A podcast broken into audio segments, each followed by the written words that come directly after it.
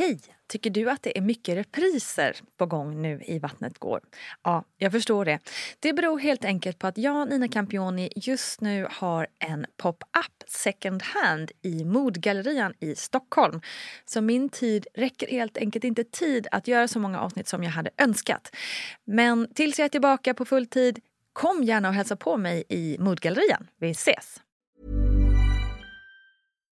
One size fits all seems like a good idea for clothes until you try them on. Same goes for healthcare. That's why United Healthcare offers flexible, budget friendly coverage for medical, vision, dental, and more. Learn more at uh1.com. Hey, it's Paige DeSorbo from Giggly Squad. High quality fashion without the price tag? Say hello to Quince. I'm snagging high end essentials like cozy cashmere sweaters, sleek leather jackets, fine jewelry, and so much more. With Quince being 50 to 80% less than similar brands. And they partner with factories that prioritize safe, ethical, and responsible manufacturing. I love that. Luxury quality within reach. Go to quince.com slash style to get free shipping and 365 day returns on your next order. Quince.com slash style. Mom deserves the best, and there's no better place to shop for Mother's Day than Whole Foods Market. They're your destination for unbeatable savings, from premium gifts to show-stopping flowers and irresistible desserts. Start by saving 33% with Prime on all body care and candles. Then get a 15-stem bunch of tulips for just $9.99 each with Prime. Round out Mom's menu with festive rosé, irresistible berry chantilly cake, and more special treats. Come celebrate Mother's Day at Whole Foods Market. Quality sleep is essential. That's why the Sleep Number Smart Bed is designed for your ever evolving sleep needs. Need a bed that's firmer or softer on either side? Helps you sleep at a comfortable temperature? Sleep Number Smart Beds let you individualize your comfort so you sleep better together. JD Power ranks Sleep Number number 1 in customer satisfaction with mattresses purchased in-store. And now, save 50% on the Sleep Number limited edition Smart Bed for a limited time. For JD Power 2023 award information, visit jdpower.com/awards. Only at a Sleep Number store or sleepnumber.com. Det var som att om jag hade varit så himla så här, trög innan så liksom eskalerade det till att jag blev en mycket mer produktiv, kreativ. Jag, jag kom på nya idéer som jag liksom inte... Alltså jag, jag ville att saker skulle hända hela tiden. Ho, ho, ho, kära lyssnare. Det är dagen innan självaste julafton. Ja, i alla fall om du lyssnar på det här samma dag som avsnittet släpps. Och om inte, så hej hej kära lyssnare. Oavsett, här har du mig, Nina Campioni och Gravidpodden Vattnet går. Och jag passar väl bättre en dag som denna än en riktigt klassisk julsaga. Och det ska veckans gäst, stylisten Julia Strid, bjuda på. För efter en jobbig graviditet så började det dra ihop sig till förlossning och jul samtidigt. Och det hela blev ett riktigt vackert, om än utdraget, juldrama. Det är snart jul nu, Julia. Ja. Och det betyder att din dotter fyller ett år snart. Ja. För du fick ett litet julebarn. Ja. Var det speciellt att vara, liksom, veta det? För hon var beräknad till Lucia. Precis. Hur, hur tänkte du med liksom, julen och alla högtider och föda barn mitt i allt det? Liksom? Ja, alltså till en början blev jag lite stressad kring det. När man eh, får veta att man är gravid och går till barnmorskor och de börjar räkna ut. Mm. Och jag tyckte att det lät så himla härligt att få ett barn på Lucia eh, Mm. då de var beräknad. Så jag var så liksom, jag tror att jag nästan så här ställde mig in på, jag bara, hon kommer, kommer och det är klart att hon kommer i tid. Eh, Liksom, det verkar så jobbigt att gå över tiden, så tänker nog väldigt många. Eh, så att eh, jag ställde in mig på att så här, nej men hon kommer komma i tid. Kanske lite innan eller lite efter men det blir inte liksom runt julafton. Och, eh, när man liksom räknade dagarna då var det verkligen så här, hon kan verkligen komma på julafton. Det blir inte för sent. liksom. Och det var nog när det började närma sig som att jag mer blev så här, ja alltså hon kan ju verkligen komma på julafton. Och det blev, alltså det blev jag lite stressad över. Inte att åka in och föda barn just den julen för att det spelade ändå ingen roll. Vi hade inte planerat in någonting vad vi skulle göra den julafton. Men jag tänkte väldigt mycket på vad, eh, kommande år mm. och hennes födelsedag och att jag mm. ville liksom att hon ska få en egen dag och mm. sådär. Men sen så när julen också började närma sig, när vi gick in i december och allt var så vackert och jag tog det så himla lugnt då, som man gör när man är höggravid. Så det blev en väldigt fin tid och vi gick just och väntade på vår lilla julbebis mm. och det blev mm. någonting, det blev speciellt över det där. Alltså som det såklart för alla som ska få barn. Men hela den tiden blev otroligt fin. Nu är jag ju väldigt nostalgisk för det är ju exakt ett år sedan som jag gick och väntade. Mm. Eh, och sen så tycker jag att eh, för mig var det nog väldigt bra för jag har inte varit så jul, julig av mig och tyckt väl att så här, det är en mysig helg men inget speciellt. Ibland har jag väl tyckt också till och med att julen varit väldigt jobbig. Mm. Eh, så att nu har jag, nu känner jag att nu får jag börja om på något sätt och göra julen till en väldigt fin tid. Och det ska bli kul när hon blir äldre att få berätta för henne om hur det var för oss när vi gick och väntade och sådär. Mm. Det kan jag känna också överlag, liksom så här, att ha barn nu i juletid, att man blir Alltså det här mysiga att starta små spännande liksom, traditioner för dem och liksom göra det magiskt för dem. Liksom. Mm. Nu är min, framförallt min dotter väldigt medveten och liksom tror på tomten mm. och allt det där. Mm. Och det är så mysigt att liksom se hennes ögon liksom bara så här, mm. Hon blir så exalterad över små grejer liksom. Som, ja. Är jättehärligt, verkligen. Ja. Det har fått en helt ny mening på det vis. Ja, det så är du förstår, förstår att det är ännu mer ja. eh, i ert fall. Ja. Du, eh, hur, eh, hur tänkte ni med liksom barn och sådär? Hur planerat har det varit att ja, skaffa barn? Alltså för mig, jag har ju varit barnkär alltså så långt jag kan minnas i hela mitt liv. Eh, och jag har verkligen gått jag minns, för jag var väldigt mycket barnvakt när jag var yngre till mina kusiner och till grannar och sådär. Och jag kommer ihåg hur jag gick liksom till och med då, då var jag väldigt liten och att jag gick och så tänkte, så här, tänkte man själv får bli en familj och när man har barn som, men som är ens egna och som eh, liksom, att jag får vara mamma. Alltså jag gick och längtade efter att bli mamma. Mm. Jag tänker väldigt mycket på det nu när jag blivit mamma. Att så här, Gud, vad, vad, hur, kan jag, hur kan jag ha velat det här så himla länge? Det känns konstigt på något sätt. Eh, och sen så gick jag ju även liksom, när jag blev äldre och, och hoppades jättemycket på att jag skulle få bli det. Sen så handlade det om att träffa rätt rätt person. Och det gjorde jag absolut inte. Vilket, eh, alltså att få barn mm. eh, under många år. Och då gick jag väl också lite sådär till och med ibland tänkt att det kanske inte blir barn, det vet man ju aldrig. Eh, och sen så när jag träffade Dan eh, som jag var 29 när jag träffade honom. Eh, och då kände jag direkt, alltså bara alltså, väldigt snabbt att han kommer bli en väldigt bra pappa och honom vill jag ha barn med. Mm. Eh, och sen så blev, blev, var det ändå för oss två att vi ville vara ihop ett tag och resa och flytta ihop och hela den där biten. Och sen så när vi hade varit ihop i runt två och ett halvt år så kände väl båda att eh, det var dags. Eh, och sen så efter att eh, vi hade bestämt oss för det blev det väl inte riktigt som vi hade tänkt oss. Men Eh, efter ett litet tag så, hade, så blev det precis som vi ville. Skönt att det blir så till slut. Mm. Du, hur var det att vara gravid då tyckte du?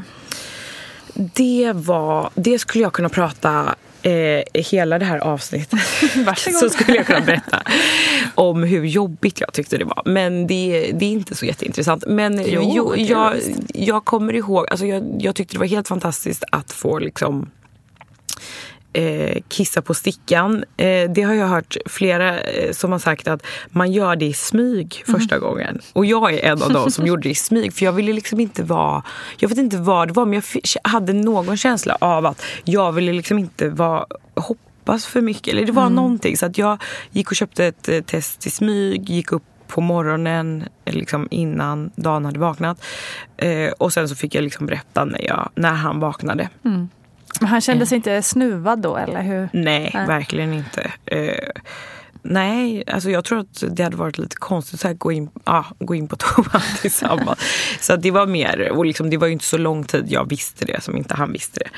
Uh, och, sen, och då var det såklart uh, att vi blev väldigt glada. Dagen efter var det min födelsedag så det var också lite så här att bara, det pirrade och jag kände så här, det här är den bästa presenten jag kan få. Mm. Men samtidigt oro. Eh, och liksom undrar hur, hur, hur det kommer gå och sådär. Och sen väldigt snabbt börjar jag må väldigt illa. Mm. Eh, jag är en av dem som mår jätteilla när jag är gravid. Eh, uppenbarligen. Och ja, det, jag undrar om jag liksom han ens, alltså jag minns att jag till och med mådde illa innan jag hade tagit testet. Okay. Mm. Eh, att jag trodde lite så här, jag bara undrar om vi blev matförgiftiga. Alltså att liksom mm. någon sån där tanke hade, hade slagit mig för att jag liksom inte mådde hundra. Eh, och sen så sakta men säkert så blev det värre och värre och eh, jag spydde mycket. Eh, kunde inte äta, tyckte att dofter var liksom, alltså kunde typ inte åka tunnelbana för att det sitter andra människor på tunnelbanan och då är det för mycket eh, dofter. Alltså det är he, alltså, jag kan inte förstå hur man kan känna dofter så starkt som man gör när man är gravid. Nej det är som någon slags superpower fast en jobbig sådan. Liksom. Ja. Det är som man får röntgensyn fast med doft. Typ. Ja. Hade du också så? Inte så starkt, som, men det känns som att det sitter ganska förknippat med just starkt illamående också. Ja. När man får det så här starkt. Men jag hade vissa saker som, jag, som fisk och sånt som jag liksom bara kunde snippa, sniffa upp liksom på mils mm. avstånd kändes det som. Nej fy. Mm. Ja, det, där, ja. Men det, var, det var tungt och i kombination med en eh, trötthet som var utan dess like.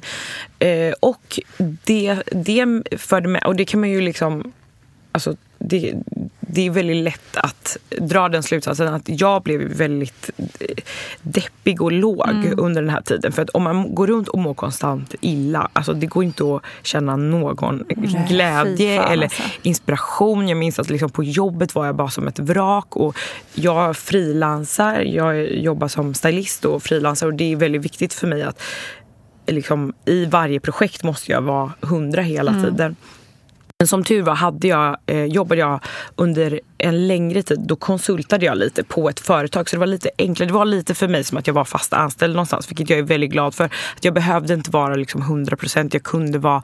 Ibland kom jag lite sent på morgonen. Mm. För att ja, jag typ hade varit hemma och inte kom ut genom dörren.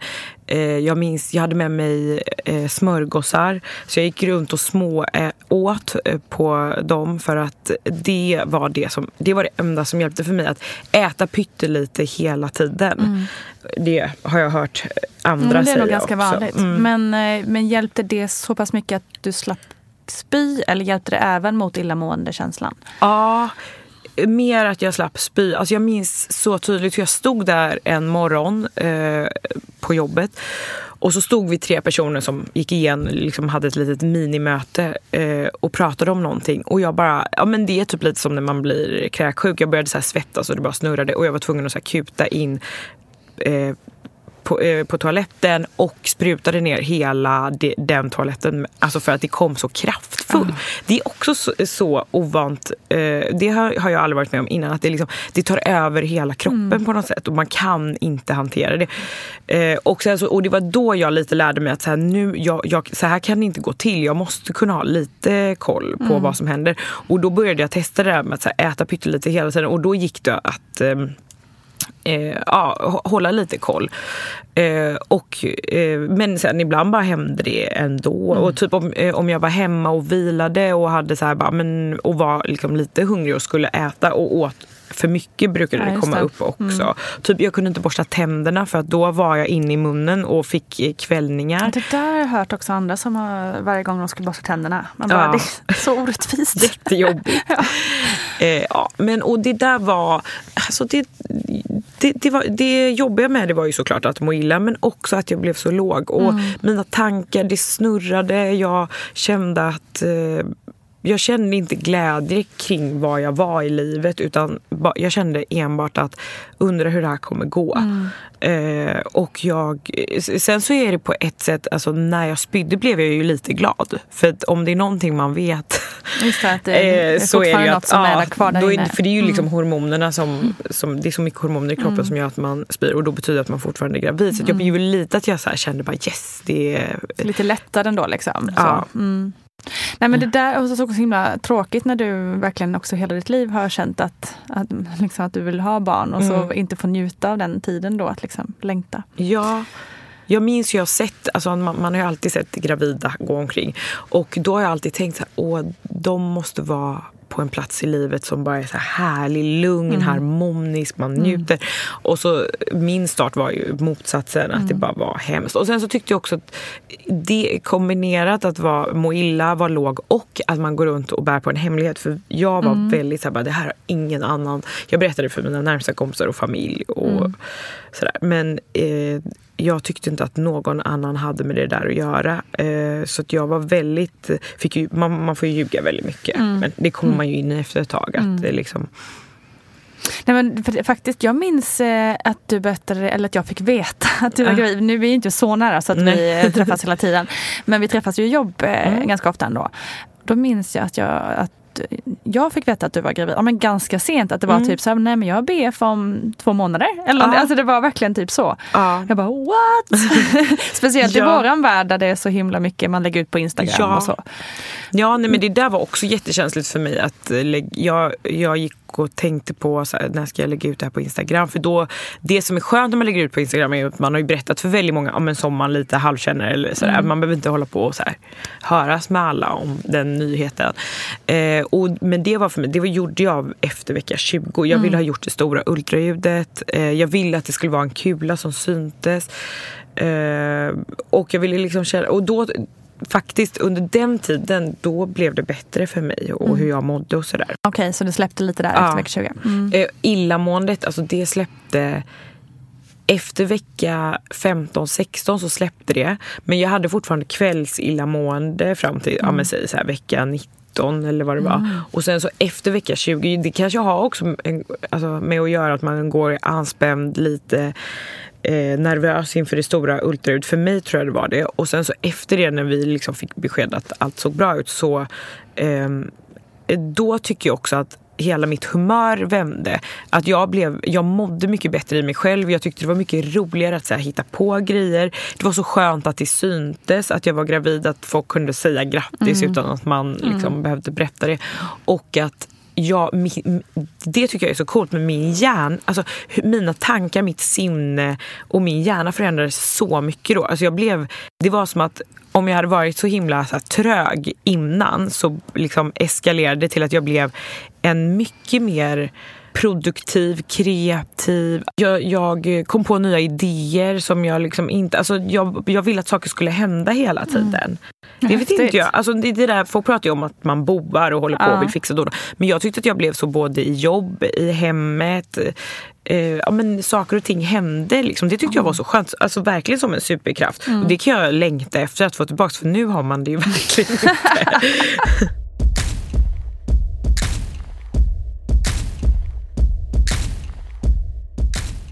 Men kände Nej, du så när du var, var gravid? Att du fick liksom någon period som var liksom lite go? Alltså bra fråga. Jag kan nog inte, alltså jag kan nog inte så här specificerat Nej. Du kanske är så jämt Anna. Ja men exakt, jag är så otroligt kreativ. Och fruktansvärt smart, alltid. Nej men eh, Gud, alltså det är nog någonting som jag inte reflekterat över i så fall. Nej. Faktiskt. Men jag mådde också, jag mådde ju bra. Det är ju kanske mm. det också, jag mådde ju egentligen bra hela tiden. Ja. Jag, måste, jag kan ju verkligen tänka mig att om man har 20 veckor liksom, ja. där man mår konstant dåligt och blir mentalt slutkörd av det ja. och sen det släpper. Det måste ju vara som att bara så här, ah, det öppnas helt nya dörrar liksom. Ja man får tillbaka sitt igen. Liv. Liksom. Ja, ja, Och bara det kan jag tänka mig skapar liksom ett helt nytt, att man ser saker klarare på något ja. vis. Liksom. Kan jag tänka mig ändå. Ja, jo, nej men absolut, verkligen.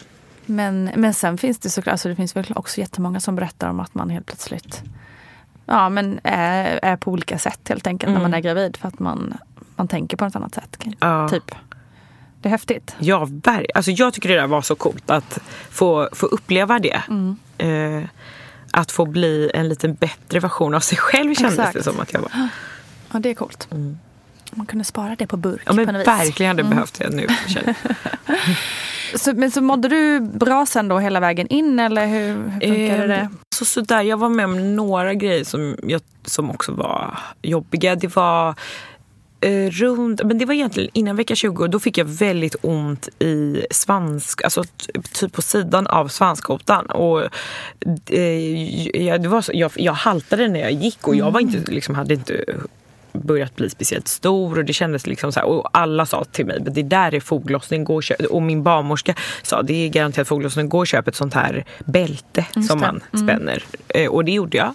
Tyckte att det var jätteobekvämt med det här bältet som bara skavde och det hjälpte absolut inte mot den här rygg eh, det, det, det onda i ryggen och jag hade också väldigt, då var det så svårt, jag kunde liksom inte böja mig ner ordentligt och jag ganska, behöver röra mig ganska mycket i mitt yrke så det var mm. lite eh, komplicerat. Eh, men då gick jag till det finns två olika ställen. Det finns ett ställe som heter Hela kvinnans klinik och även ett annat ställe som heter John Carrier mm. som har lite olika kliniker och de är specialiserade på gravida kvinnor okay. och även nyförlösta kvinnor.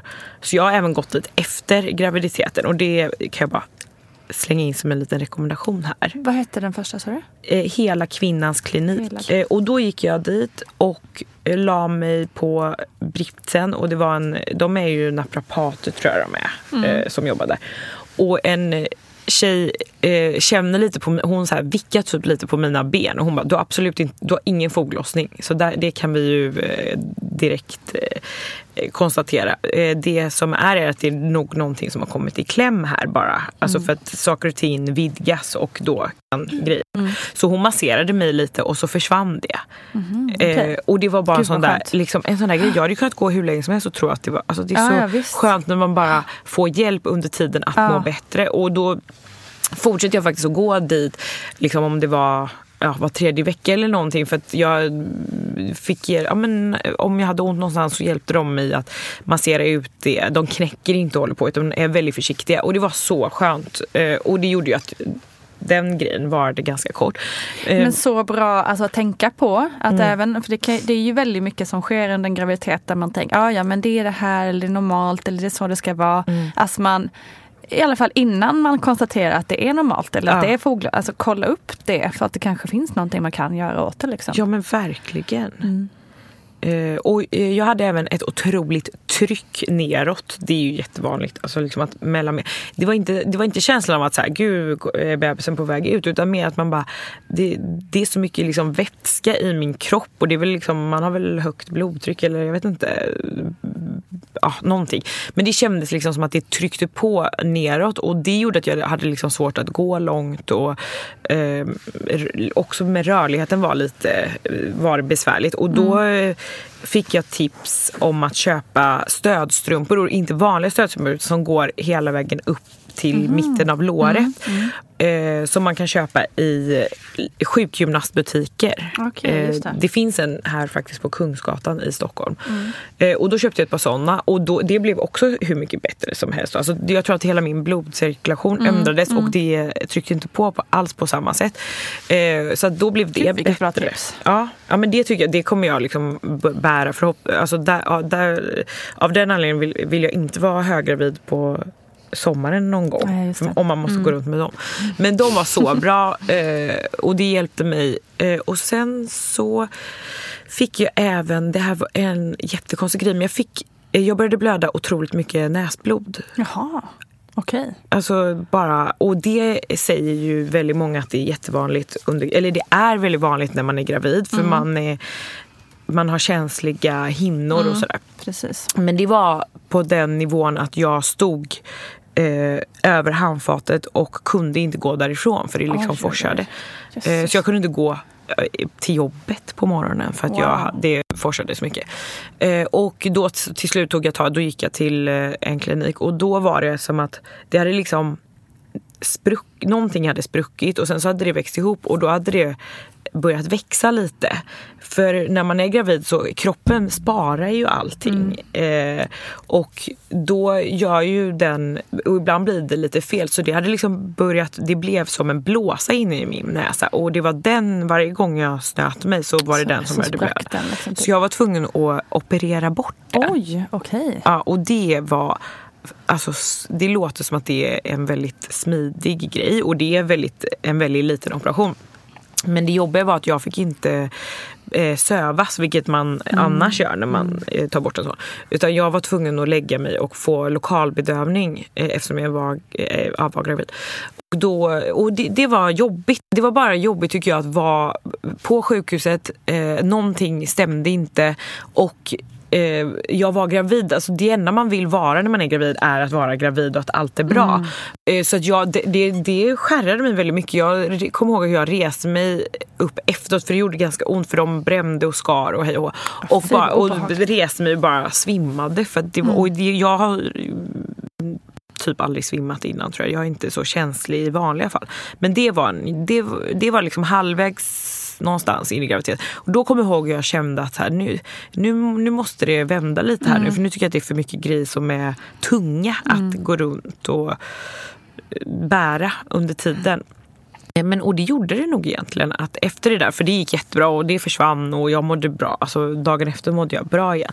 Sen så är det väl efter det som jag tycker att min graviditet, och det är väl egentligen när jag gick in i tredje trimestern som jag började njuta av att vara gravid. Mm.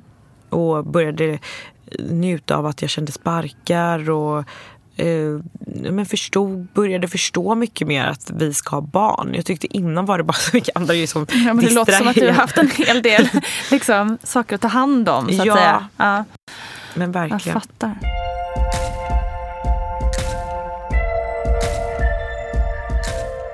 Kände du dig då när du kände att det var njutigt? Liksom?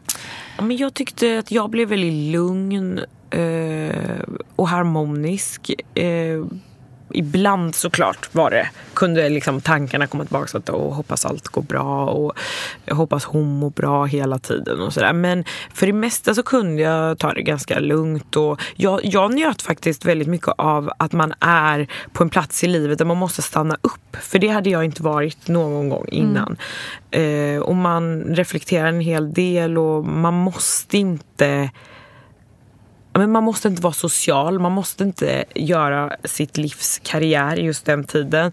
Man eh, behöver inte bevisa så himla mycket utan man måste egentligen bara vara gravid. Och mm. det tyckte jag var så skönt. Att så här, jag kommer ihåg hur jag kom hem liksom tidigt från jobbet och det var så bara, nu ska jag göra en macka och sätta mig i soffan mm. och bara stirra. Typ. Och så beter man sig ju aldrig annars.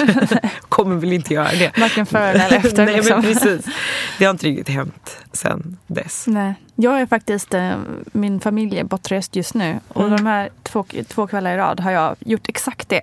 Jag har ätit en sirapslimpesmörgås varje kväll. Ah. Alltså, istället för att laga mat. Ah. Och satt mig i soffan. Så jävla skönt. Ja, men alltså, så underskattat. Ja. Men jag tyckte också att jag njöt väldigt mycket av mat. Det borde alla göra. Ah. När, när jag var gravid. För att man har tid. Och jo, det är ju det när man går ut och äter med vänner eller är på fest. Det enda man kan fokusera på är så här, vad ska vi äta? Mm. För att man ja. inte dricker och man kanske inte är lika minglig i just Nej. det stadiet. Ja, härligt. Tyckte jag var mysigt. Men du, sen blev det december då. Mm. Och eh, det började dra ihop sig i alla fall. Eller så här, liksom. Men hur, hur tänkte du med förlossningen? Jo, jag var väldigt eh, taggad. Det hade jag ju längtat Det är också en sån grej som jag alltid varit väldigt eh, in, intresserad av. Och jag älskat att höra eh, förlossningsberättelser. Jag älskar den här podden. Så, så det är ju en sån ära att få vara här idag. Eh, jag, jag jag kände att jag var väldigt intresserad av vad det var som skulle hända mm. eh, under en förlossning. Inte så rädd.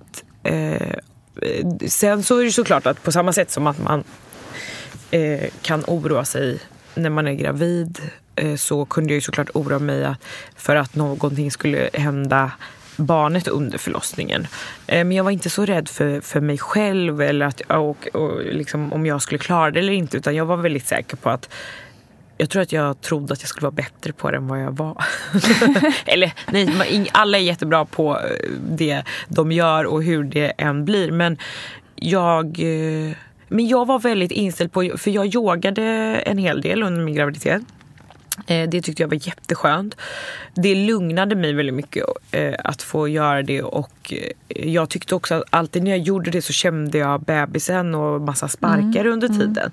Så det var för mig, om inte annat, en stund där jag fick lite så här komma ihåg att hon låg i min mage och det. det Connecta lite. Liksom. Men precis.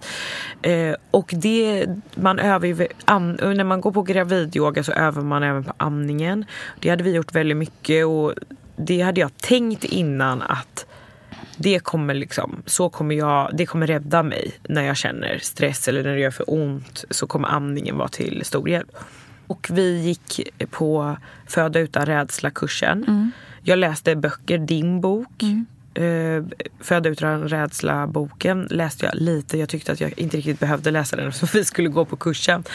Uh, och kursen måste jag säga tycker jag var väldigt bra för att jag hade läst på otroligt mycket och var väldigt jag var väldigt redo för förlossning i och med att jag yogade och jag tänkte mm. på den hela tiden. Och jag kände väl ibland att jag och Dan inte, alltså, vi pratade ju jättemycket om vad som skulle hända och att vi ska vara med om det här. Men ibland, och det kändes som att jag förklarade för honom hela tiden hur jag ville ha det. Men jag visste ju inte hur han skulle vara Nej. på en förlossning. Det jag kände när vi var på den Föda utan rädsla-kursen det var att jag kände mig 100% säker på att nu är han helt med på det här och han vet hur jag kommer vilja ha det. Mm. För all, väldigt många vill mm. ha det olika och jag kände bara att han kommer vara det stödet som jag, jag vill ha. Och det kändes så himla tryggt. Så den kursen var väldigt bra för oss mm, två och hur det skulle som bli team, mellan liksom. oss. Ja men mm. precis. Eh, sen så tror jag verkligen att man kan läsa boken och klara sig men jag, jag är så glad att vi gick. Och vi gick på den ganska sent, eh, nära förlossningen. Och man gör inte så himla mycket då. För man planerar inte in så himla mycket. Nej, så för exakt. oss var det så här, trevligt att gå dit en lördag eller vad det var och hänga i några timmar och få massa matas med information. Mm. Och sen så när det närmade sig blev jag väldigt lat. Alltså då kände jag bara att så här, nu, jag har gjort allt. Jag har gjort all research. Jag orkade liksom inte, jag orkade inte läsa, lyssna någonting. Utan jag var bara så här, jag är bara redo. Kan, vi liksom mm. få, kan det här få hända snart? Och sen så kom ju den här tiden när det bara går så fruktansvärt långsamt. Det är liksom, om man tycker att livet går alldeles för snabbt nu, då kan man tänka tillbaka ja. på den tiden. Gud ja. Vad gjorde du då dagarna liksom för att få dem att gå? Ja, alltså det var ju, jag gick, jag, jag slutade jobba, jag jobbade ändå rätt sent för jag ville det. Eh, det var många som så rekommenderade mig att så här, men gud, gå hem tidigare och bara mys. Men jag kände bara, vad ska jag göra hela dagarna? Så jag ville jobba. Jag tyckte det var lite mysigt att gå och jobba och man kunde liksom träffa några på dagarna. Mm. Eh, och sen så när jag väl gick hem, eller liksom, ja, slutade jobba, då tyckte jag att det var lite så att jag ville väldigt gärna höras med folk under dagen, gå och liksom, ha någon att luncha med, eh, möta upp några kompisar som var mammalediga. Eh, och jag tyckte att det var väldigt, när jag ville att Dan skulle komma hem från jobbet så att vi kunde umgås. Alltså jag, jag gillade inte att vara själv nej, tror jag riktigt nej. den tiden. För att jag var lite uttråkad.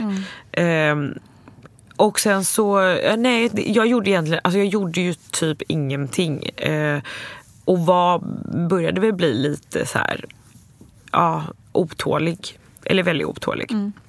Det är nog många som känner igen sig Ja. Mm.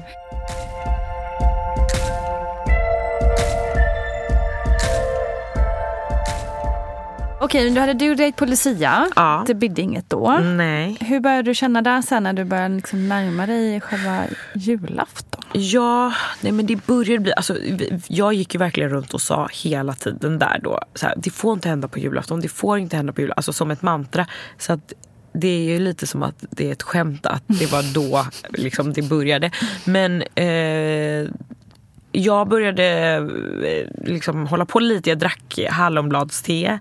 Eh, det är också sån där, jag kan ju inte ha varit så otroligt eh, redo eller sugen för många säger att man ska gå i trappor och det var jag så här, jag orkar inte Nej. det. Så jag var väl rätt trött. Liksom. Men det säger ju Gudrun också, att man, alltså, om man ska ta Gudrun Abascals ah. råd, att man inte ska göra. För man, ska inte, man ska inte trötta ut sig. Liksom. Nej, just det. Ah. Du ska ju vara utvilad och re, alltså, ah. det, är ändå, det kommer ju vara lite jobbigt sen om man säger. Ja men precis, ja, men mm. det var jag. Jag låg ju mest på så, mm. still på soffan. Bra jobbat. Ja, verkligen. Eh, och eh, jo, men sen så alltså, det är ju lite att man har ju så här jag kommer ihåg att vi var hos barnmorskan och så sa hon så här, ah, men så får vi se om det här är sista gången. Och jag var så här, ja det är sista gången, sluta mm. säga sådär. Och så sa hon så här, ah, men vi bokar in en tid som är en vecka efter BF. Eh, för att då måste vi kolla så att allt eh, ser bra ut. Och då kommer jag ihåg att jag tänkte så här att bara, men vi kommer inte ses då. Men okej, okay, vi kan väl boka in en tid. Och då blev det ju lite att när vi väl hade gått över BF, då blir det ju lite att då börjar man ju längta typ efter mm. att få komma tillbaka till henne och se vad som händer. Eh, och då kommer jag ihåg att vi gick dit tillsammans. Eh, och eh, Ja, vi började med att jag skulle göra ett ultraljud då. Och då var det en sån konstig känsla för då kan man ju inte bestämma sig för att om man, man hoppas att det inte riktigt att de vill sätta igång det eller om man vill fortsätta vara gravid. Egentligen vill man ju fortsätta vara gravid för att då betyder det att allt är bra och mm. det är ju mm. egentligen en mm. skönare mm. känsla. Mm. Och då kommer jag ihåg att jag blev glad att hon sa att eh, det såg bra ut och att du kan ta det lugnt ett tag till. Eh, men när vi var uppe hos barnmorskan då så eh, frågade hon då bokade vi ju in en tid för igångsättning som var då en vecka senare än det datumet. Det. Typ 28 december. Mm. Och då, fråg, eller då var det jag som bad om kan inte jag få en hinsvepning för det hade jag hört så mycket om.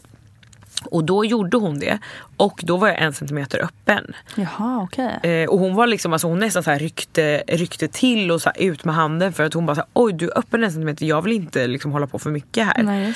Medan jag kände bara, eh, va? Kör det är på. väl det du ska göra för jag, det kändes ja. ingenting. Jag har ju hört att vissa får ont men det ja. kändes ingenting. Så då sa hon att du är öppen en centimeter och din och, du, och det är mjukt, är det mm. så man säger? Där inne liksom. Det är nog så man säger. Ja, någon ja, tapp ja. som är mjuk. Precis. Ja, precis. Eh, och då sa hon så här, och då började jag ju direkt så här, okej okay, betyder det att eh, det här kommer dra igång snart då?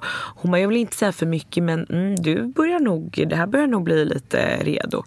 Och då gick vi ju hem pirriga, kände bara så här, alltså gud vi kommer ju föda barn. Jag, jag kommer åka in i, vi kommer åka in i natt. Eh, mm. Alltså, så här, det kändes så himla hoppfullt. Sen så bara vaknade jag ju på morgonen, hade inte vaknat en enda gång på natten. jag sov väldigt bra om nätterna. Det Skönt. var en väldigt bra grej också. Det har jag hört det gjorde jag också faktiskt. Ja, det är Jätte, så himla, ja, mm. att man laddar upp rejält. Mm. Ja, och sen så bara fortsatte det. Vi gick och vi började liksom lite landa okej okay, vi kanske firar. Vi hade ju bestämt att vi inte skulle planera julafton med någon. Att det var bara vi två som skulle fira. Önskan var ju att det var vi två och våran bebis. Eh, men då började vi landa ett litet så här, det blir nog vi två på julafton utan bebis. Eh, så att vi gick och köpte julmat. Så här, gick och köpte julbord för två. Det var ganska svårt att få till. Eh, det blev väldigt mycket mat som vi tryckte in i kylskåpet. Eh, och eh, eh, 23 då, när vi går och lägger oss på kvällen så känner jag mig som vanligt. Men vaknar den natten och har verkar. Mm. Så då visste jag ju att eh, jag kommer få barn på julafton. Jäklar, 24! Vad är det så? Ja, jag kände det bara, det är så typiskt att det händer nu för att det är, jag, det är mitt fel för jag har tjatat så mycket om det. um, men uh, det satte igång 23 väldigt eh, lugnt. Jag vaknade, alltså klockan var så här fyra eller fem. Känner, det är ju så roligt att man har gått och tänkt på de där verken och så här, men hur känns det? Och man har frågat så många, men kan du inte beskriva? Och, mm. så här, och sen så har man gått runt och haft, eller jag har gått, hade, gick runt och hade väl någon sammandragning någon gång och var så här, är det här en verk? Alltså, och sen så plötsligt när man får en verk så bara vet man att det är en verk.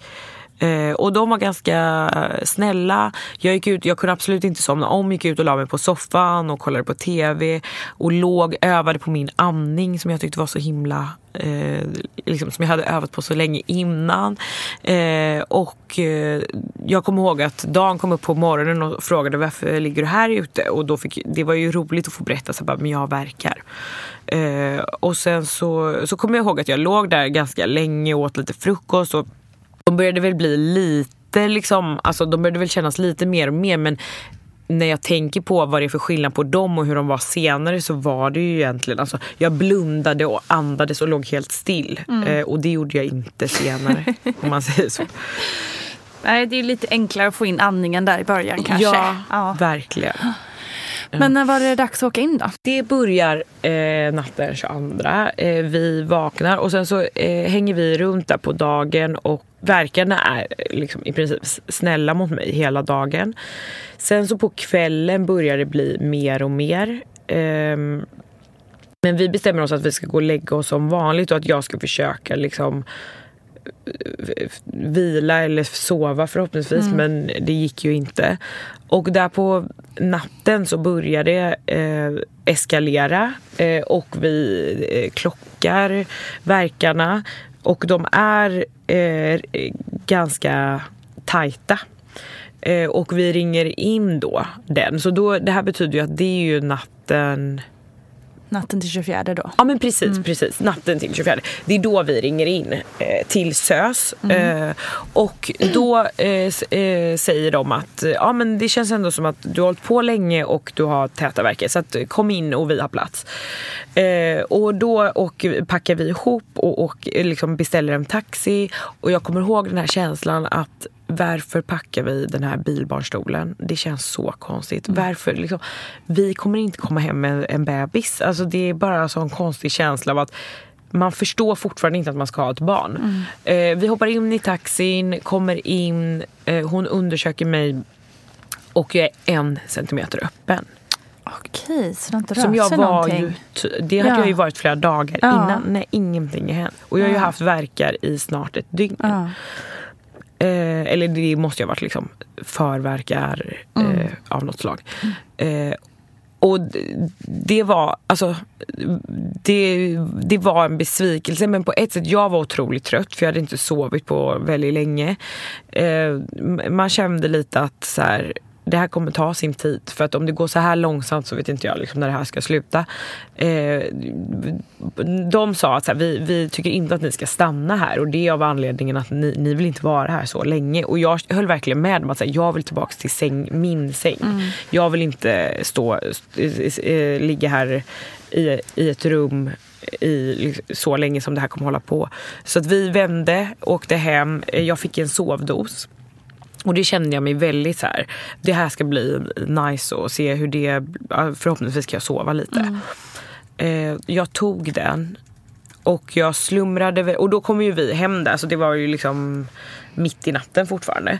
Eh, jag, jag, tog den där, eh, sov inte speciellt mycket men kunde liksom slumra till och verkarna avtog lite. Eh, och det var, det var skönt. Alltså det måste jag ändå säga. Jag tror att jag innan har tänkt så här att varför vill man, varför vill man ta eh, sovdos då och, och det eventuellt stannar av? Man vill väl bara köra på. Mm. Men det gick ju inte riktigt Nej, man håller på så på. länge. Ja. Och när man är så lite öppen då mm. måste man bara få liksom ett, en liten paus. Får jag bara fråga, hur var det på, på förlossningen på, på självaste julafton? Ja, men det var mysigt. Det var ju snö utanför. Mm. Alltså, det snöade ju den julen. Eh, och det var fina ljus, adventsljusstakar överallt. SÖS tycker jag är väldigt mysigt. Eh, det är en fin avdelning. De har gjort den väldigt mm, fin. Jättefint. Väldigt ny, eh, nybyggd.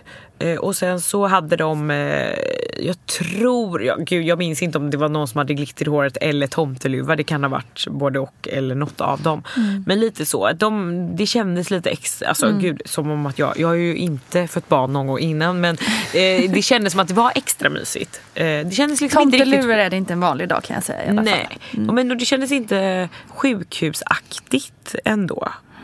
Uh, utan det var lite mysigt. Jag tyckte att de var mysiga och alla kommenterade det ju det. Åh på julafton, alltså mm. så här, mm. julbebis. Alltså alla sa ju det som någonting väldigt fint. Men sen så uh, ja, åkte vi ju hem då.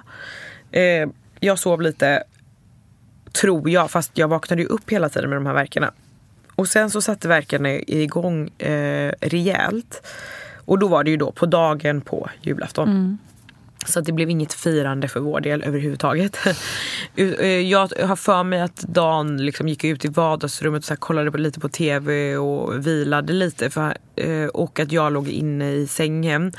Och att det började, då började det för mig att det verkligen det hade börjat tidigare att jag inte kunde eh, ligga ner när jag fick en eh, verk utan jag var tvungen att stå upp. Mm. Och det är väldigt jobbigt att ha det så för att mm. varenda verk och när de kommer till ett, alltså du, du lägger dig ner och så liksom försöker du ligga lite skönt och vila och sen så kommer en verk och då måste du, alltså det snabbaste du bara kan så måste du resa dig upp. Mm. Och det, jag har hört om några andra som ha, har haft det så här, det är bara ett visst sätt man får sina verkar på. Mm. Men efter ett tag så var jag så utmattad och man är ju tung eh, Eh, eftersom man är så gravid.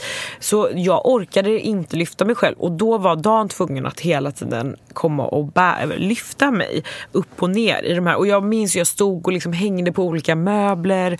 Vi hade liksom eh, monterat upp eh, den här lilla baby cribben, eh, barnsängen. Den var en väldigt bra storlek för mig att stå och luta mig över. Och vi hade en förtölj som jag stod på något jättekonstigt sätt och då tyckte jag liksom att jag tog verkarna bra. Men jag kunde absolut inte ligga ner och det var ju väldigt eh, ansträngande. Ja, det låter ju skitjobbigt. Eh, ja, för jag har hört om folk som liksom bara, eller jag har frågat andra hur de har gjort och att kunna ligga ner under en verk tycker jag låter mycket skönare mm. än hur jag hade det. Eh, men sen så pågick ju då julafton och de här verkarna blev kraftigare och då kände jag till slut, alltså jag tror att jag liksom började gråta och jag kände bara att jag hade ingen ork längre och då ringde vi in igen och så bara frågade vad de tyckte och då sa de nu, nu, kom, nu tycker vi att du ska komma in för du har hållit på väldigt länge. Mm. Eh, och då när vi kom in då var jag ju så himla nervös eh, såklart. För jag ville ju bara få ett besked om att saker och ting hade hänt. Mm. Och då var jag öppen fyra centimeter. Ja, ah, skönt. Mm. Det blev jag jätteglad ja, över. Eller vi blev jätteglada. Och det var en, jag tror att man blir gladare när man får stanna om man har blivit hemskickad en gång. Ja, det kan jag tänka mig. Eller om de såklart för de som ringer och så vet de inte riktigt om de får plats mm. och sådär. Så är det också en känsla när man väl får sitt rum var man nu än får det. Mm. Men för oss det var väldigt eh, tydligt att det fanns mycket plats på SÖS. Så jag kan ju okay. rekommendera att ja. föda på julafton. Om Hellre man... det än mitt i sommaren då? ja, tydligen ja. så är det så. Eh, men då fick vi vårt rum och jag fick den här eh, dräkten som man har på sig. Mm, den eh, vackra. ja, mm. väldigt skön mm. ändå. Mm. och byta om och då var det som att det lite vände i mitt humör och jag mådde mycket bättre, jag var på bra humör, vi, hade, vi kunde skratta lite, beställde mat eh, tog bilder och skickade till alla som var så nyfikna på hur det gick eftersom det hade tagit så lång tid. Mm. Eh, och jag, de tappade upp ett bad. Det var jag väldigt inställd på att jag ville bada eh, för att jag gillar att bada annars. Eh, och det trodde jag att det verkligen skulle hjälpa mot verkarna. Jag tyckte inte det hjälpte någonting. Jag tyckte bara man blev så varm och svettig mm. och, och, så var man så tung. Och, men det var ändå, det var, som var bra var att, jag, att bada var att man liksom gjorde någonting annat. Man varierade sig lite. Mm. Eh, och sen så eh, efter att jag hade badat så eh, fick jag eh, då eh, jag fick aldrig någon vattenavgång eh, så att de spräckte hål på mina hinnor mm. och så gick vattnet. Och då var det lite brunt. Och, och eh, det oroade inte mig någonting för de var så himla lugna med det där. De bara, det är absolut ingen fara. Och en, en, annan grej var att jag hade skrivit, det enda jag hade skrivit i mitt förlossningsbrev var att jag vill hela tiden ha information om hur bebisen mår i magen. Jag vill inte, ni kan, alltså självklart kan ni hjälpa mig med allt jag behöver men ni, ni hjälper mig bäst om ni bara hela tiden bekräftar att hon har det bra. Eller mm. om hon inte har det så vill jag veta det. Inte att någon står och viskar mm. och att jag, mm. då kommer jag få panik. Mm. Eh, så att, eh, och det tyckte jag verkligen att de tog till sig. Jag, jag var ibland att jag var såhär, ja, ja, nu, jag vet att hon har det bra. att de liksom verkligen tjatade om det och det är jag så himla glad för att jag att jag visste innan att det var så jag skulle känna för att det mm. hjälpte verkligen mig under förlossningen. Så därför var inte jag orolig över det här vattnet. Eh, sen så fortsatte de att undersöka mig och det gick väldigt långsamt. Jag liksom hade knappt öppnat mig någonting fortfarande. Jag eh, testade lustgas då eh, för smärtorna vilket jag inte gillade för den satte sig liksom, jag tog den fel så att jag tog den när jag inte hade värk och då gjorde det att jag bara mådde väldigt illa. Mm. Eh, så då var inte den till någon hjälp. Sen så jag, läste jag i min eh, förlossningsjournal att de frågade mig då, det diskuterades eh, smärtstillande, eller vad säger man? Eh, epidural? Ja men precis, mm. epidural. Och att jag hade sagt att jag ville vänta med det. Och jag tror att det var för att jag var så himla nyfiken på hur en förlossning går till. Så jag var så nyfiken på att få liksom känna, alltså det här gjorde fruktansvärt ont hela tiden men jag ville också så här få vara med om liksom vad det var, alltså om förloppet mm. eh, och hur liksom det du vill inte döva det liksom? Ja, men jag var inte redo att liksom, ja, men för det kan ju avbrytas lite med mm. epidural och det var inte jag redo för än. Sen så eh, går det lite mer tid. Det börjar väl bli kväll då, eller liksom runt sjutiden kanske. Och då ger de mig, då, säger, då kommer det in en barnmorska som jag tyckte var helt underbar. Alltså hon var helt fantastisk. Vi har pratat om henne jättemycket efteråt och hon var bara en sån där, man, som andra också liksom, det har känt att man, man blir lite besatt av sin den personen eh, som har förlöst eh, sitt barn. Och hon var en sån, alltså jag, jag lyssnade på allt hon sa och hon kom in och sa ganska tydligt så här, nu vill jag ge dig verkstimulerande dropp och epidural samtidigt för nu måste det hända grejer, nu, det går för långsamt. Mm. Hon, så, hon var lite sträng och jag var Tog bara tag i det lite. Ja, mm. och jag kände jag bara ja, jag går med på allt. Det du säger gör vi. Och vi gjorde så. Och då började det göra de här de gav mig droppet innan, innan epiduralen och det är väl nog för att det liksom ska hända så mycket som möjligt. Och då gjorde det, den, den tiden minns jag som att jag kände att det ballade ur. Liksom. Mm. Att jag, jag hade ingen kontroll. Jag behövde fortfarande så ställa mig upp i varje verk. Jag hann knappt lägga mig ner förrän det kom en ny. Jag liksom klättrade omkring på den här sängen minns jag och det jag ser framför mig när jag tänker tillbaka på det här det är att jag är typ något djur. Alltså jag är inte en människa utan jag är som ett stort djur som eh, flera människor försöker liksom hålla i men som sliter sig loss. Alltså det var mm. den känslan. Eh, och det gjorde liksom, då minns jag att jag var så här, det här hade jag inte förväntat mig den här smärtan. Och jag, då tappade jag lite kontrollen med andningen. Och jag eh, blev ledsen liksom, för att jag tyckte bara nu, nu orkar inte jag det här mer. Eh, och sen så kom eh, läkaren in som skulle sätta epiduralen och det blev ju väldigt komplicerat eftersom man måste ligga still ja. och jag kunde ju inte ligga still. Eh, så att då minns jag hur jag ska resa, jag, jag ligger där och uh, kutar med ryggen och hur, hur jag ska resa mig upp för det kommer en verk och jag kunde liksom inte, inte resa mig upp. Och då kommer Dan och bara lägger sig över mig med sin arm och håller fast mig. Och hur jag, jag kommer ihåg att jag tittar upp på honom och bara, vad fan gör du? Alltså hur kan du vara inte på, i mitt mm. lag här mm. liksom? Hur kan du göra så? Sen var det ju väldigt bra att han gjorde så för att det var ju det som behövdes. Och det var nog bättre att han gjorde det än att någon sjuksköterska eller läkare gjorde det. Sen så satte sig epiduralen och den var inte för mig, många beskriver ju den som att det var liksom det skönaste någonsin men jag tyckte inte att det var något speciellt egentligen. Jag kände att jag blev väldigt dåsig, typ lite eh, berusad av den och den satte sig bara på ena sidan. Mm. Så att jag fick ligga där och hålla på och vicka och eh, ja, snurra runt vad det var. Eh, sen så tror jag väl att det lugnade ner sig lite med ändå de här hysteriska verkarna och det var väl skönt för mig. Jag behövde en paus men det blev mm. ingen vila. Jag sov inte eller något sånt. Men det tror inte jag riktigt de ville heller för att det hade pågått så länge så de ville nog att det skulle sätta igång. Och sen så um, en stund efter det då kommer jag ihåg hur, jag, hur de undersökte mig. Och då sa de bara så här Julia, din bebis har varit så duktig under den här tiden. Eh, huvudet har åkt ner och du är öppen 10 centimeter. Mm. Och den stunden, det minns jag som det, det, är höjdpunkten under, alltså, utöver när hon kom ut. Så är det höjdpunkten. För då förstod jag, jag bara, alltså, allting har ju gått åt rätt håll här. Mm. För det hade inte jag känt innan. Jag kände bara att allting var så himla konstigt och eh, liksom emot mig på något sätt. Men nu kände jag bara, va? Är jag öppen 10 centimeter? Alltså, det, det var en väldigt glad nyhet. Och då kommer jag ihåg jag reste mig upp från sängen och ställde mig upp och då kändes ju det ju som att eh, det skulle komma ut något eh, genom rumpan snarare. Ja. Och det gjorde väldigt ont. Och jag sa det till dem, jag bara, och så sa jag bara så här, jag behöver nog gå på toa snarare. De bara, du är nog redo att föda barn. Mm. Och då kommer jag ihåg hur jag tänkte så här, okej, okay, det här har varit väldigt jobbigt, men nu måste jag bara så här, usch, samla mig, för nu jävlar, nu ska det här hända, nu ska jag föda ut den här ungen. Det måste bara, nu får det ske, det kan inte gå så här långsamt mer. Det är liksom lite action här. Eh, och sen så efter det någon gång, då kommer jag också ihåg hur jag kom ut från, liksom, alltså då, jag var ju fortfarande väldigt dåsig, alltså jag var inte så här alert och stod och snackade. Utan jag låg där i någon verk och liksom eh, svamlade. Och så tittade jag upp på klockan och då var klockan 00, alltså 12, 12 mm. slaget mellan då julafton och juldagen. Och då mitt i så bara eh, sa jag så här, ja det blir inte ett julaftonbarn. det var typ det jag fick ut och då kom jag ihåg att alla skrattade väldigt mycket för de var bara så här, gud kan du ens prata?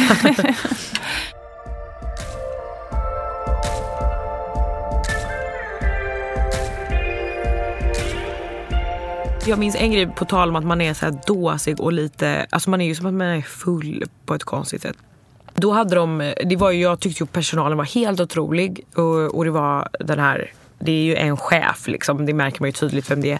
Så hade de även med en tjej som de sa så här, men hon är eh, sjuksköterska som ska bli barnmorska. Mm. Då betyder ju att man är alltså, väldigt långt i, alltså man är ju väldigt duktig. Så här. Det enda jag hörde är så här, vi har med en praoelev Alltså det var det enda jag tyckte, så här, och jag bara hon ska, hon kommer inte i närheten av mig. Det, jag kände det så starkt. Och, och så, de hade, jag fick inte gå på toa själv. Eh, jag vet inte om det var att jag var lite snurrig. Så, så, så att, eh, det var alltid någon som behövde följa med in. Och då tog jag tag i Dan och var så bara, kom vi går in på toan. Och in på toan jag bara, du måste se till att hon inte får undersöka mig.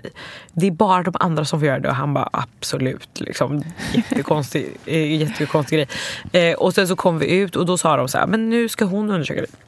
Och då jag bara, nej, då, då sa jag till, jag bara, jag vill faktiskt inte att eh, praoen eller något sånt Alltså det var så hänsynslöst. Ska undersöka mig. Eh, jag vill att eh, ja, hon, den chefen ska göra det. Och då, då var de så här, de bara, hon är om inte mer noggrann än någon annan här inne. Uh, och då alltså, uh. gav jag ju mig direkt. Eh, för att jag tyckte att det var, jag hade inte orkat tjafsa. Och sen var ju hon hur grym som helst. Det var hon som sa den där kommentaren om att nu har din bebis jobbat jobbat så bra. Så, så att sen så tyckte jag att hon var helt hon fantastisk. Var bäst ja, ja, men hon var ett väldigt fint stöd där inne. Hon, jag kommer ihåg att hon höll liksom, i min arm under tiden jag kryssade. Så, alltså, hon var jättebra. Så att det där var bara en inbildning eh, från mi, mitt håll. Att liksom, det skulle men det är vara... jättevanligt tror jag att man känner så. För det är också så här, man är där sitt livs viktigaste. Ja. Till man vill inte att det ska vara liksom, en liten prao här som ska Nej. testa på.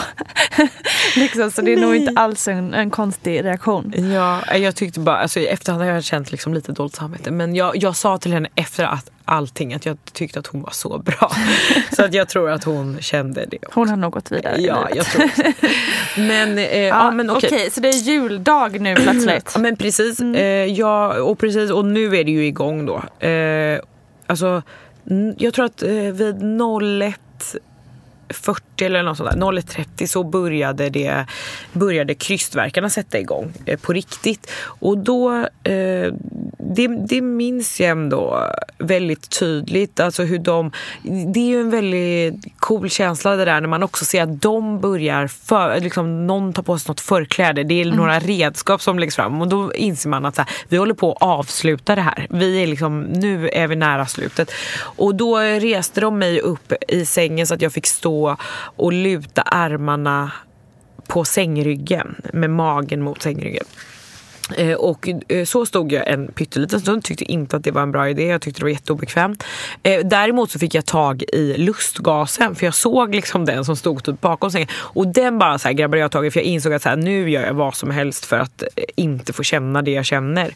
Jag hade att det verkligen eh, eh, det här ring of fire mm. mellan benen sved det liksom på ett sätt som ja, var utan dess like.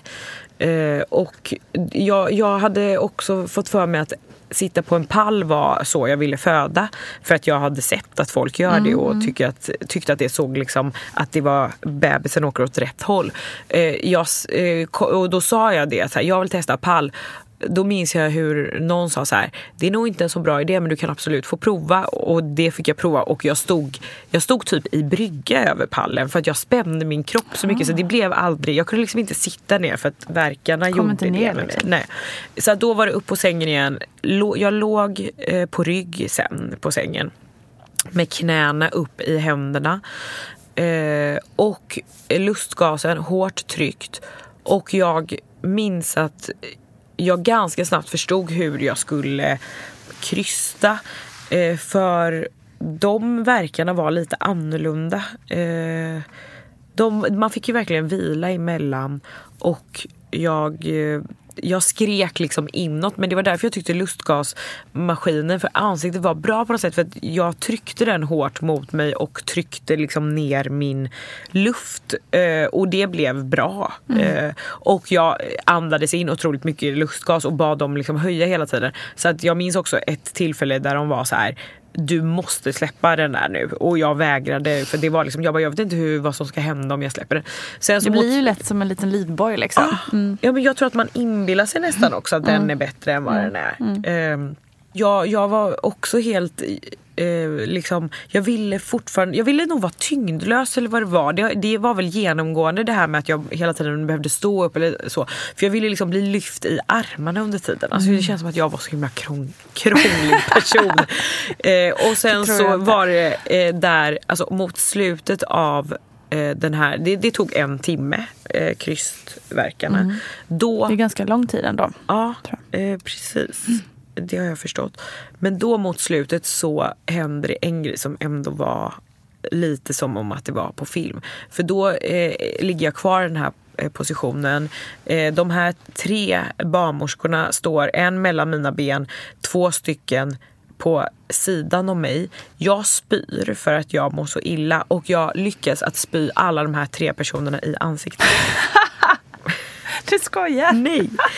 Och jag minns att jag var så här chockad. Jag bara, vad hände? Vad gjorde jag? Och också bara, hur kan jag göra så här mot er som är så snälla mot mig?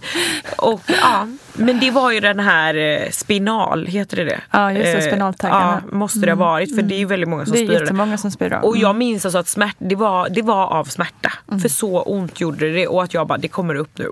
Så. Ja. Rakt i ansiktet ja. bara. Men de var väldigt eh, ja, men Som du säger, verkligen filmiskt. Det låter så roligt. Ja. ja. Och sen så eh, sa de att nu ser vi ett huvud med mörkt hår. Eh, och det kommer jag ihåg var också ett moment där jag bara var så här, va? kommer det ett barn? Det går mm. inte att förstå för det här, liksom, det här tar ju aldrig slut. Och sen så kommer jag ihåg hur de var så här, eh, krysta och sen så håll, håll emot eh, och vad det var. Och det var aldrig att de sa nu kommer hon snart. Det var väldigt lite information så att jag var ju bara så här, det här kommer väl också pågå i ett dygn till. Alltså jag hade ingen aning om vad jag var i processen. Och så var det så konstigt att så plötsligt så bara mm. och så var hon ute. Då kom jag ihåg att jag fick en chock. Jag bara va? Är hon, kom hon nu? Varför är det ingen som har sagt någonting? Att det, att det är nu liksom. Mm. Eh, och så ploppade hon ut och det gick jättesmidigt tycker jag. Alltså det, huvudet, ja det, gjorde, det höll ju på uppenbarligen väldigt länge. Men själva kroppen bara åkte ut och så la de henne på min mage direkt. Hur var det? Men det var, jag, jag fick en sån där eh, kärleksvåg och att bara tiden stannade. Det gjorde inte ont någonstans längre eh, mellan mina ben. Eh, det kändes inte jag kände att all den här tiden som det här har pågått, det, det, spelar ingen roll. No, det spelar ingen roll för att nu ligger hon här. Och jag såg bara så här hennes, toppen av hennes huvud för jag vågade inte liksom röra på henne eller mig. Och jag kände bara så här, det är det mest perfekta huvudet jag någonsin har sett. Och jag behöver inte se mer för jag vet att liksom, hon, hon kan ligga här nu för nu är vi... Alltså det var, jag, jag är så himla lycklig över det och jag vill inte att någon som lyssnar ska tro att det är så man ska känna för alla känner verkligen inte så. Men jag är så himla lycklig att jag fick känna så. ja, man börjar gråta i alla fall. Så, ja. så fint ju. Ja. Men jag blir också så mm. himla glad att höra det för att eh, precis som du är inne på så är det ju långt ifrån, inklusive jag själv, mm. som kände så eh, med första barnet framförallt. Mm. Men eh, och det är ju viktigt att veta att inte alla, att det inte är något måste eller Nej. att det inte är konstigt att inte känna så. Men det är väldigt fint när man får höra den berättelsen tycker jag. Man, jag blir helt... Och en sån liten människa och den där huden den där lilla huden mot ens hud och man själv är bara så här, man är ju sönderslagen. Mm. Och liksom så utmattad men man har all energi på, i, i världen att bara mm. få hålla om mm. henne. Och så kommer jag ihåg att jag bara höll och var så här, jag kommer aldrig släppa. Alltså, i, och så ville jag ju såklart att Dan skulle vara nära och vi tittade på varandra och var bara så här, eh, lite så här, vad hände just? Men också bara, hon är här, hon är här nu. Alltså det, det var liksom som att, det, där och då var det som att det är ju henne jag längtat efter ett helt liv. Mm. Eh, och hon var så fin och alltså, ja, jag, jag var... Ja, det var såklart den bästa upplevelsen. Eh, finalen av allting. Sen så sprack jag, eh, jag eh, grad 2 mm. och jag förlorade 1,6 liter blod ah, okay. i en av de här bristningarna mm. då. Och det är ganska mycket och det höll de på med lite där. Och de kallade på en läkare. Men jag är väldigt glad, ibland tar de bort barnet då för att enbart så fokusera på mamman och typ man behöver opereras och sådär. Men de behövde inte det utan den läkaren kunde sy på plats direkt. Så att jag fick ligga kvar med henne i famnen under tiden de, tiden de gjorde det. Och det är jag så himla lycklig över att det inte blev mer dramatiskt mm. än så. Och jag, var, jag kommer ihåg hur de var såhär, ah, du förlorar en del blod nu så vi får hålla lite koll på det. Så här, Mår du illa? Jag bara, ja det gör jag men det, jag bryr mig verkligen inte. för jag vill bara titta på henne. Och, då, och så höll de på att sy och det var också så att jag bara, alltså gör vad ni vill. Men mm. vad, det som händer där det spelar ingen roll för jag är här med, det här, med mm. den här. Liksom. Och det var bra. Eh, det behövdes nog att jag skulle få lite, få den kicken för att jag hade jag hade haft ont länge. Alltså skulle säga, snacka om att du var värd att bara få vara där och bara få njuta. Ja. Och bara, bara få stänga av allt andra. Ja. Gud vad du var värd det, känner ja. jag. ja. och det är lite det jag känner också det här med att du sa att det är så himla fint att höra en sån berättelse. Jag menar inte att det är finare än något annat. Men man, jag känner verkligen att man...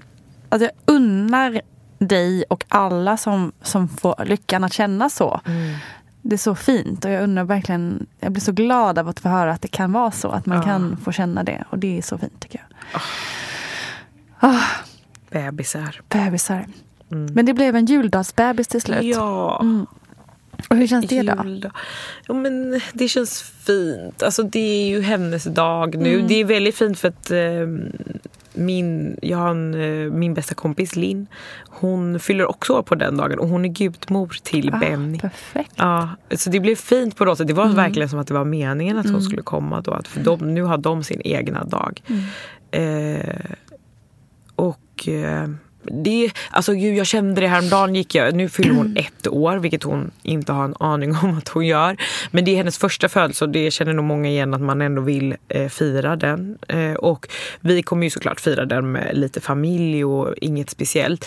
Men vi kommer göra ett litet minikalas för henne. Och så gick jag in i en leksaksaffär häromdagen för att jag skulle köpa någon present och så var jag så här, och en julklapp och en present och så här kommer det vara för mig för all framtid. Av livet.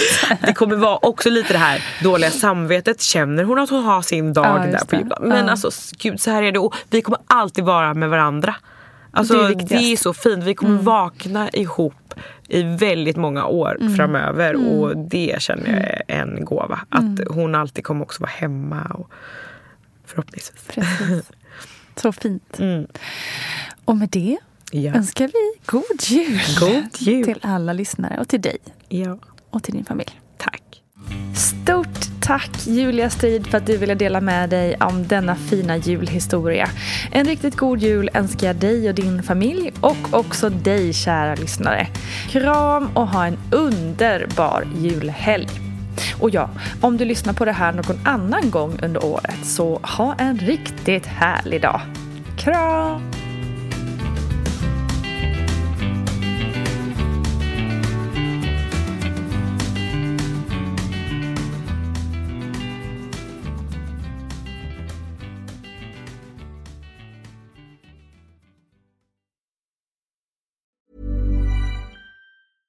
Imagine the softest sheets you've ever felt. Now imagine them getting even softer over time. That's what you'll feel with Bowl and Branch's organic cotton sheets. In a recent customer survey, 96% replied that Bowl and Branch sheets get softer with every wash. Start getting your best night's sleep in these sheets that get softer and softer for years to come. Try their sheets with a 30-night guarantee. Plus, get 15% off your first order at bowlandbranch.com. Code BUTTERY. Exclusions apply. See site for details. Ever catch yourself eating the same flavorless dinner three days in a row? Dreaming of something better? Well, HelloFresh is your guilt-free dream come true, baby. It's me, Gigi Palmer. Let's wake up those taste buds with hot, juicy pecan-crusted chicken or garlic butter shrimp scampi. Mm. Hello Fresh. Stop dreaming of all the delicious possibilities and dig in at HelloFresh.com. Let's get this dinner party started. Imagine the softest sheets you've ever felt. Now imagine them getting even softer over time. That's what you'll feel with Bowl and Branch's organic cotton sheets. In a recent customer survey, 96% replied that Bowl and Branch sheets get softer with every wash. Start getting your best night's sleep in these sheets that get softer and softer for years to come. Try their sheets with a 30-night guarantee. Plus, get 15% off your first order at bowlandbranch.com. Code BUTTERY. Exclusions apply. See site for details. Hi, I'm Daniel, founder of Pretty Litter. Cats and cat owners deserve better than any old-fashioned litter. That's why I teamed up with scientists and veterinarians to create Pretty Litter. Its innovative crystal formula has superior odor control and weighs up to 80% less than clay litter. Pretty Litter even monitors health by changing colors to help detect early signs of potential illness. It's the world's smartest kitty litter. Go to prettylitter.com and use code ACAST for 20% off your first order and a free cat toy. Terms and conditions apply. See site for details.